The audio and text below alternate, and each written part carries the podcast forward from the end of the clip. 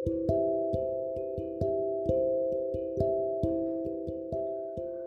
kasih Kemo Bahasa. Berkatmu aku bertemu dengannya. Berkatmu pula aku dapat bercengkrama dengannya. Ah sudahlah.